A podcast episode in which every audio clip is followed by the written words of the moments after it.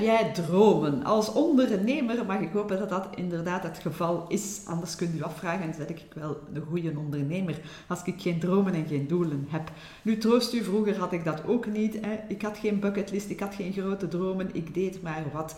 Maar als ondernemer heb ik ontdekt dat het toch wel belangrijk is om ergens te weten waar dat we naartoe gaan, waarom dat we er naartoe gaan en wat het pad is om daar naartoe te gaan. Ik ben Greet Bunnes en is onze missie om ondernemers te gaan ondersteunen in hun groei, groei als persoon en met hun business. En daar horen uiteraard dus doelen en dromen bij en plannen en implementatie en actie. Alles wat nodig is om die doelen te gaan bereiken. Nu, ik weet niet hoe dat, dat met jou zit, maar ik, ik, zie heel veel ondernemers die wel heel mooie doelen hebben, heel veel projecten plannen, of misschien zelfs maar één project plannen, en die er toch niet in slagen om dat tot een goed einde te brengen. Die er niet in slagen om echt wel al die stappen te zetten tot het einde, totdat dat resultaat is bereikt. Hoe zit dat met jou? Herken je dat zo, zo'n project? Is er al zo eens een project geweest waarvan je zegt van, goh, dat was destijds toch super belangrijk en eigenlijk om een of andere reden is mij dat niet gelukt. Wat heeft gemaakt dat dat niet gelukt is?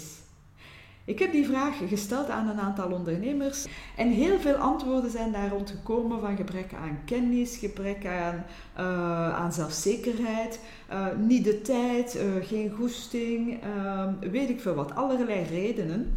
Maar een van de redenen die ook aan bod is gekomen en die ik bijzonder interessant vind en belangrijk vind, is het gebrek aan momentum. Mensen beginnen wel enthousiast aan een doel en dan slabakt dat ergens, dat valt stil en is weg.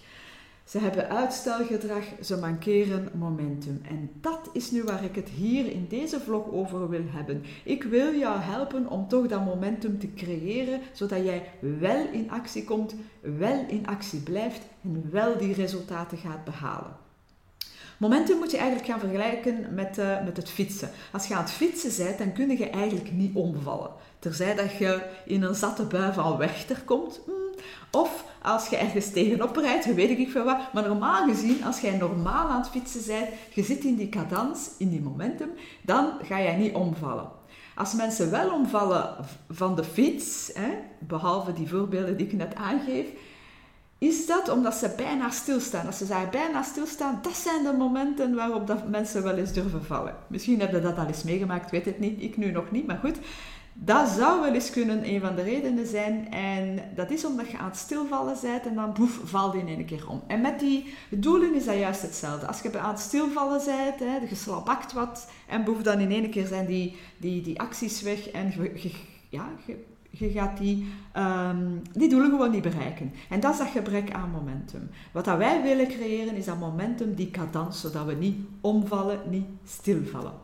Hoe doen we dat nu? Ik heb hier vijf tips voor jou in deze vlog. Ten eerste, wat we gaan doen is, we gaan heel goed nadenken over waarom willen we die doelen bereiken of waarom willen we dat project gaan neerzetten. Hoe duidelijker dat, dat die waarom is, hoe meer dat je dat voelt, hoe meer dat je dat visualiseert, hoe meer dat je dat ziet, hoe belangrijker en hoe beter voor jouw momentum, voor jouw project, voor jouw doel. Met andere woorden, stel dat ik zeg van, goh, ik zou een boek willen schrijven over personal branding.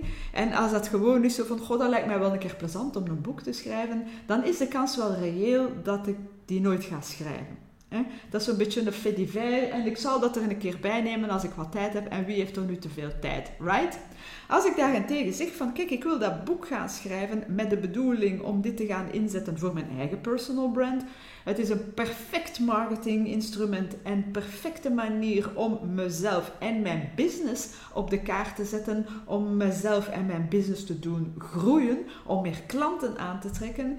Dan heb ik al veel meer een why. En waarom wil ik mijn business doen groeien? Om die financiële zekerheid op te bouwen, om bijvoorbeeld al mijn leningen te kunnen afbetalen, om mijn gezin een zorgeloze financiële toekomst te kunnen bieden, mijn familie een zorgeloze toekomst te kunnen bieden, om een aantal goede doelen te gaan ondersteunen, weet ik veel wat. Dus die waaroms, die worden plotseling veel meer ehm, voelbaar, veel belangrijker. En als ik zeg van, goh, ik heb geen goesting om aan dat boek verder te schrijven, moet ik nu weer aan dat boek schrijven? Als ik dan weet van, ja, maar dat boek kan ervoor zorgen dat ik een, uh, een, financiële zekere toekomst heb, dan ben ik waarschijnlijk wel meer geneigd om verder te doen dan als ik zeg van, goh, dat is wel een keer leuk, zo'n boek schrijven.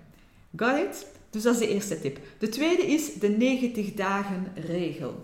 Dat is een, uh, een tip die ik uh, van Brandon Bouchard heb ge, gehaald, gepikt om het zo te zeggen. En wat hij zegt is dat je eigenlijk um, een project hebt dat misschien ettelijke maanden in beslag neemt, het kan zijn, wel dan is het interessant om eens te gaan zien van um, oké, wat wil ik na 90 dagen bereikt hebben. Dus dat boek schrijven, dat gaat bij mij, als ik dat al überhaupt wil doen, maar goed, dat gaat zeker niet op 90 dagen af zijn. Dat is voor mij een langere termijn project. Hè? Voor sommigen niet, hè? maar voor mij zou dat zeker een langere termijn project zijn. Maar dan is het interessant om eens te gaan kijken, wat wil ik na 90 dagen bereikt hebben? Wat is dat eerste belangrijke resultaat dat ik wil gaan halen, uh, waar dat ik echt fier op kan zijn, wat ik kan vieren, waar ik kan naar streven. En dat is zeker belangrijk voor grotere, langere termijnprojecten die meer maanden in beslag nemen. Dan kan dat soms zo wat onbereikbaar zijn. Door dan te gaan kijken, oké, binnen 90 dagen, wat is het resultaat dat ik dan wil bereiken, dan wordt dat behapbaarder en dan geeft u dat weer meer goesting om eraan te werken. bijvoorbeeld zou ik kunnen zeggen voor mijn boek, welke ik binnen 90 dagen wil ik mijn research gedaan hebben en wil ik een, een eerste inhoudstabel hebben vastgelegd. Dus dat is veel behapbaarder dan te zeggen van, ah ja, ik ga een boek schrijven en ik wil dat gepubliceerd hebben en ik wil daar uh, 100.000 kopies van verkocht hebben, whatever. Dus door die 90 dagen regel te gaan inbouwen, ga je op iets kortere termijn uh, kijken, ga je naar de eerste resultaten kijken en dat zorgt voor meer momentum en minder uitstelgedrag. Een derde tip, tip is de dagelijkse blocktime. Als jij die 90 dagen gaat inplannen, is het belangrijk dat je ook elke dag 30 minuten gaat blokkeren in je agenda om aan jouw project bezig te zijn. Om te werken aan die doelstelling. De bedoeling is om daar echt wel een soort van uh, gewoonte te gaan creëren. Eigenlijk wil je een soort van uh, Bader-Meinhof uh, fenomeen creëren. Bader-Meinhof fenomeen, dat is dat. Stel je wil een witte Audi kopen, een Audi A3 kopen. Uh, je denkt van, god, dat zou wel leuk zijn om zo'n witte Audi A3 te kopen. En dan plotseling zie je overal witte Audi A3's verschijnen. Jij herkent dat waarschijnlijk wel. Dat noemt men ook wel eens het Bader-Meinhof-fenomeen. Eh, en dat fenomeen willen we ook creëren voor ons project, voor onze doelstelling. We willen eigenlijk dat we constant worden herinnerd aan ons project. En dat kunnen we onder andere in de hand werken door elke dag daar 30 minuten mee bezig te zijn. Dus blokkeer dan ook die tijd in uw agenda. Hè? Dus zet echt blokken in uw, in uw agenda. En elke keer als je naar uw agenda kijkt, dan zeg je, ah oké, ik moet met dat ding bezig zijn. En als jij dat dan 20 dagen doet, 60 dagen en zeker 90 dagen, dan heb je echt een habit. En dan gaat dat project echt wel niet meer van uw radar verdwijnen. En ga je je momentum ook veel, eh, veel minder kans hebben om dat te gaan verliezen. Want je zet er constant mee bezig. Dus dat was de derde tip. De vierde tip is, zorg voor sociale controle. Dat is een die voor mij supergoed werkt. Als ik mezelf een commitment geef, dan durf ik nogal eens dat commitment mm, niet na te komen. Als ik anderen een commitment geef, ja, dan heb ik zoiets van, ik heb dat commitment gegeven, nu moet ik ervoor gaan. Bijvoorbeeld op het, uh, op het Business Boost Event uh, heb ik gezegd van kijk, ik ga de 20 kilometer van Brussel lopen. Er was daar 100 man die dat gehoord heeft. Wel ja, dat was die sociale controle. Nu moest ik het ook wel gaan doen. Hè. Mocht ik het tegen mezelf gezegd hebben, dan had ik het misschien niet gedaan. Maar met die 100 man die daar aanwezig was, ja, ik moest nu wel die 20 kilometer van Brussel gaan lopen.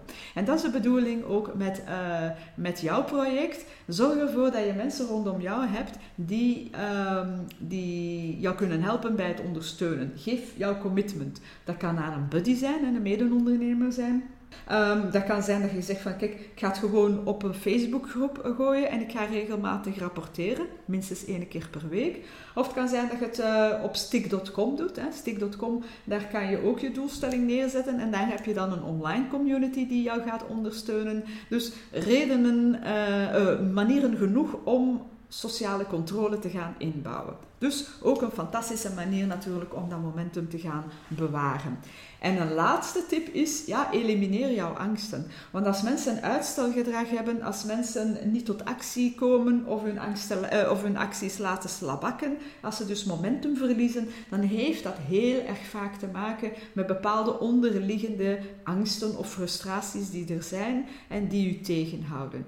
Dat kan zijn dat je zegt van, goh, eh, als ik tijd ga spenderen aan dat... Uh, aan dat boek, dan heb ik geen tijd om te spenderen aan mijn familie. En dus dat is een soort van of-of situatie die je creëert, dus laat ik het maar niet doen. Want je hebt ergens een angst dat je dan tekort gaat doen aan jouw familie. Ik zeg maar wat.